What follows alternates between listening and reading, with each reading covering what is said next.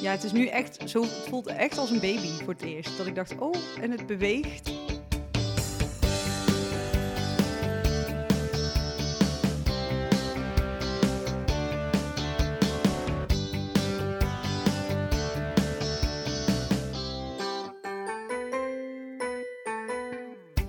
Welkom bij week 10 van jouw zwangerschapsweek, de podcast van 24 Baby die met je meereist door je zwangerschap. Ik hoop dat het goed met je gaat.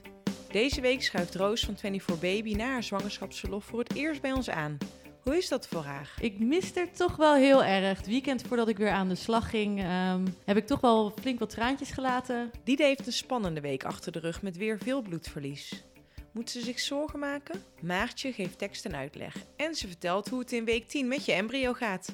Of hebben we het al over een foetus? Ja, geluk dat jij dat zegt, eh, René. Want je komt op heel veel verschillende media, heel veel verschillende terminologieën tegen. En Ja, dat is heel raar. De eerste keer dat ik een orgasme had, deed het echt pijn. Dat ik dacht, nou, nooit meer. seks en de zwangerschap.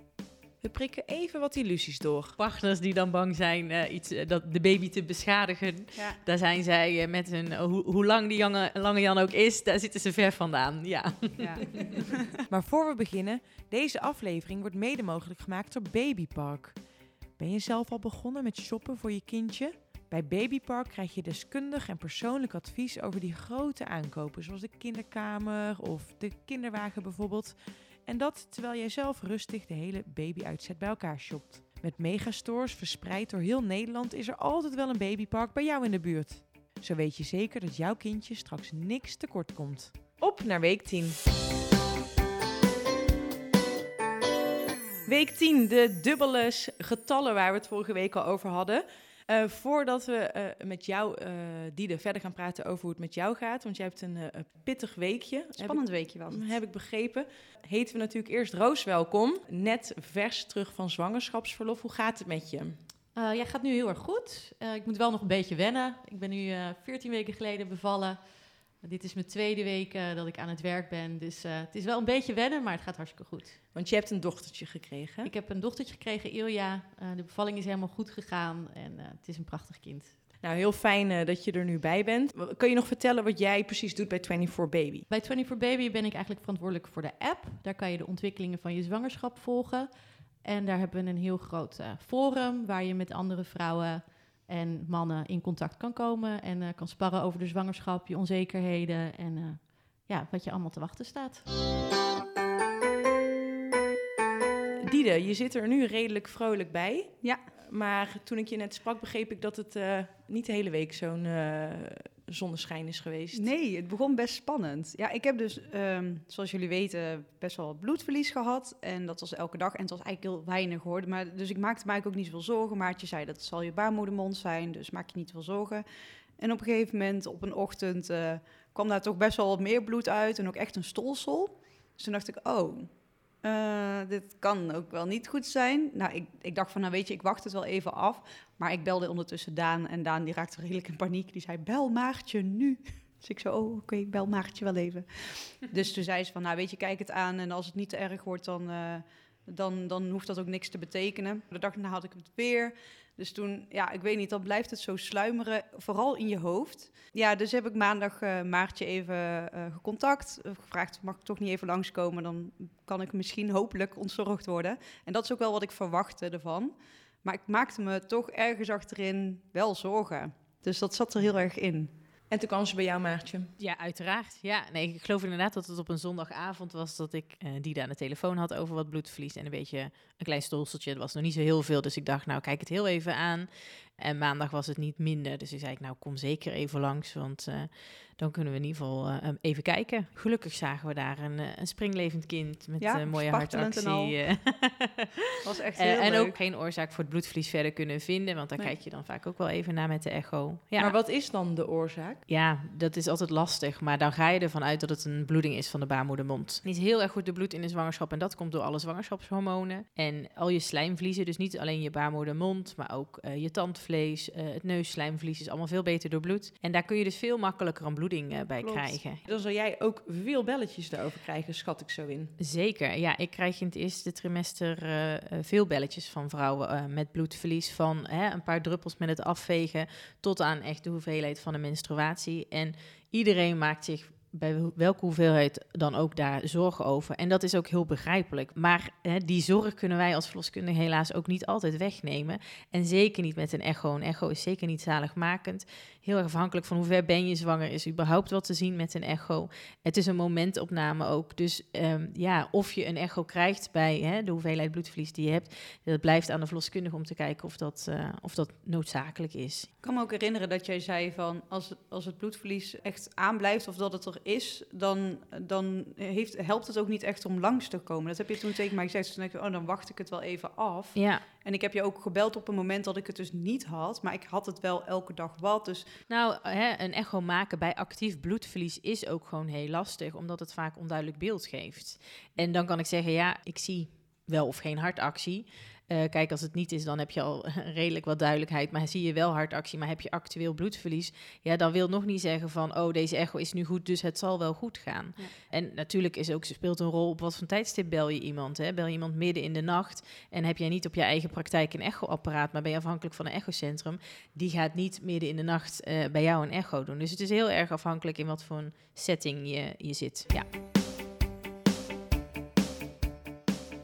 Maar Diede kreeg die echo dus wel. En deze keer was er een stuk meer te zien dan dat Haribo-beertje bij week 8.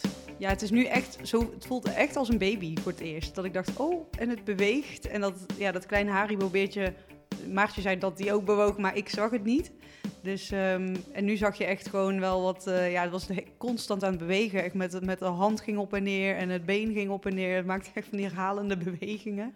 Vanaf wanneer kan de embryo bewegen? Meestal zie je op een echo kindsbewegingen bij een week of negen. Als je überhaupt een echo hebt bij negen weken, want dat is natuurlijk geen standaard termijn voor een echo. Nee. En hoe, hoe kan het dat het kindje, dat de embryo nu kan bewegen? Nou ja, omdat er eh, eh, eh, spiertjes zijn die, die dat ja, veroorzaken. En die voldoende zuurstof enzovoorts krijgen om te kunnen samentrekken. Ja, want waar is de embryo nu in zijn aanleg? Ja, we, hè, we zitten in week 10, dus officieel hebben we het niet meer over een, een embryo, maar hebben we het over een, een foetus. En eh, dat heeft ermee te maken dat de embryonale fase, oftewel de ontwikkelingsfase van de baby, waarin dus alle organen, eh, denk aan eh, vingerstenen, alles is ontwikkeld. En nu is het een kwestie van groeien. Wel grappig dat je dat zegt over foetus en embryo. Want ik dacht, ik zag op 24 Baby dat vanaf week 11 dat het een foetus is. Ja, geluk dat jij dat zegt, René, want je komt op heel veel verschillende media, heel veel verschillende terminologieën tegen. Over hè, week 11 of de 11e week of 11 weken en zoveel dagen. Eh, eh, ook hè, net zoals eerste trimester, er zijn heel veel verschillende terminologieën. Ik ben zoveel maanden zwanger. Ehm, en, dat, en dat maakt het ook heel eh, ja, lastig om te zeggen, dit is goed en dit is niet goed. Ja, Ja, ja. In ieder geval week 10, week 11, dan zitten Juist. we niet meer in de embryonale fase. Nee, duidelijk. Ja. Roos, als we kijken naar hoe groot eh, de embryo slash foetus nu is... Ja. en we trekken even vergelijking met een groente of een fruit... waar zitten we nu dan in week 10? Eh, we zitten nu ongeveer op een kersje. Dus eh, ik weet niet of je het lekker vindt. Er zit een pitje in, maar een eh, kersje. Nou ja, en hoe groot is dat in centimeters of millimeters? Ehm, dan, dan hebben we het inderdaad over een, een, een kleintje van eh 4,5 centimeter eh, ongeveer. En dat is, Dat is een flinke kers. dat is een flinke Dat is een kers, flinke kers. maar dat is een kers inclusief benen. dat is misschien ook goed om te zeggen. En eh, op een echo, als je al een echo hebt bij 10 weken, dan meet je eh, eh, exclusief benen. Oftewel, je meet de lengte tussen het kruintje en eh, de romp, het Waarom? staartje. Omdat dat een meting is die voor eh, de 10 weken eh, goed te meten is. Je weet niet hoe benen liggen, opgevouwen, eh, lang uitgestrekt, in kleermakers zit. Al zou je dat nog niet kunnen zien op een echo vaak. Eh, maar dat is gewoon niet te meten. Dus daarom houden wij in de medische wereld ons aan de kruin-romplengte. En dat is dus nou ja, van de kruin tot de romp. En die is een centimeter of drie. Roos, wat leeft er in de community zo in deze week? Waar lopen vrouwen tegenaan? Uh, wat ik deze week heel veel op het forum tegenkom, is toch wel een onderwerp waar je misschien in real life niet zo makkelijk met mensen over praat. Uh, en op een forum dus anoniem wel. En dat is seks. Uh, sommige vrouwen hebben, zeggen van welke seks? Ik heb al heel lang geen seks meer. Anderen die zeggen, ik voel me net een konijntje. mijn man die, die, die is me helemaal zat. Ik droom erover. um, maar waar de meeste vrouwen toch al tegenaan lopen, is dat ze op dit moment gewoon geen zin hebben in seks. Uh, dat komt vooral door hormonen, uh, kwaaltjes. Als je kotsmisselijk bent, heb je niet echt zin om uh, seks te hebben. of zorgen rondom de zwangerschap. Veel vrouwen zijn toch ook wel bang dat het misschien een miskraam kan veroorzaken. bij partners zie je dat trouwens ook, zowel man als vrouw. Ze durven niet. Nee, ze zijn bang dat ze misschien de baby beschadigen. Ja. Of dat het een miskraam kan veroorzaken. Vooral bij vrouwen die al wat langer bezig zijn om zwanger te worden, zijn daar bang voor. Uh, nu kan ik wel zeggen dat dat echt een angst is waar je niet bang voor hoeft te zijn. Volgens mij kan seks... Die kan ik beamen, inderdaad. Okay. Ja. ja, nee, seks kan volgens mij zelfs fijn zijn voor de, door de hormonen die vrijkomen. Ja. Um, nou, en er zijn dus ook vrouwen die echt een verhoogd libido hebben. En een hele hoop vrouwen bij wie het gewoon niet verandert. Nou, Diede. Ja, nou, ook niet veranderd. Maar mijn orgasmes wel. Echt? ja, dat is heel raar. De eerste keer dat ik een orgasme had, deed het echt pijn. Dat ik dacht, nou, nooit meer. Toen heb ik ook echt twee weken geen seks gehad. Toen dacht ik echt, ik hoef gewoon even niet meer. Ik wil niet. Ik ben bang voor een orgasme. Dus maar hoe dan? Een soort kramp in je baarmoeder? Ja, echt een kramp. Ja, oh.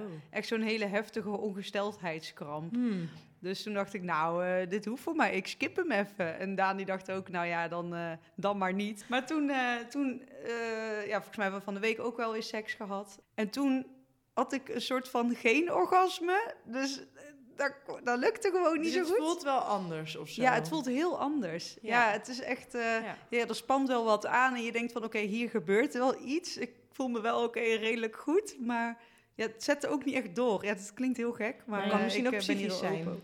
Ja, misschien wel. Ik weet het niet. Want Maartje, wat uh, ja, jij zo terug over eerste trimester en seks? En nou, wat eigenlijk ook Roos zegt, de, er zijn dames die hebben inderdaad een heel hoog libido en uh, uh, nou ja, de, hè, de dag is bewijs van tekort.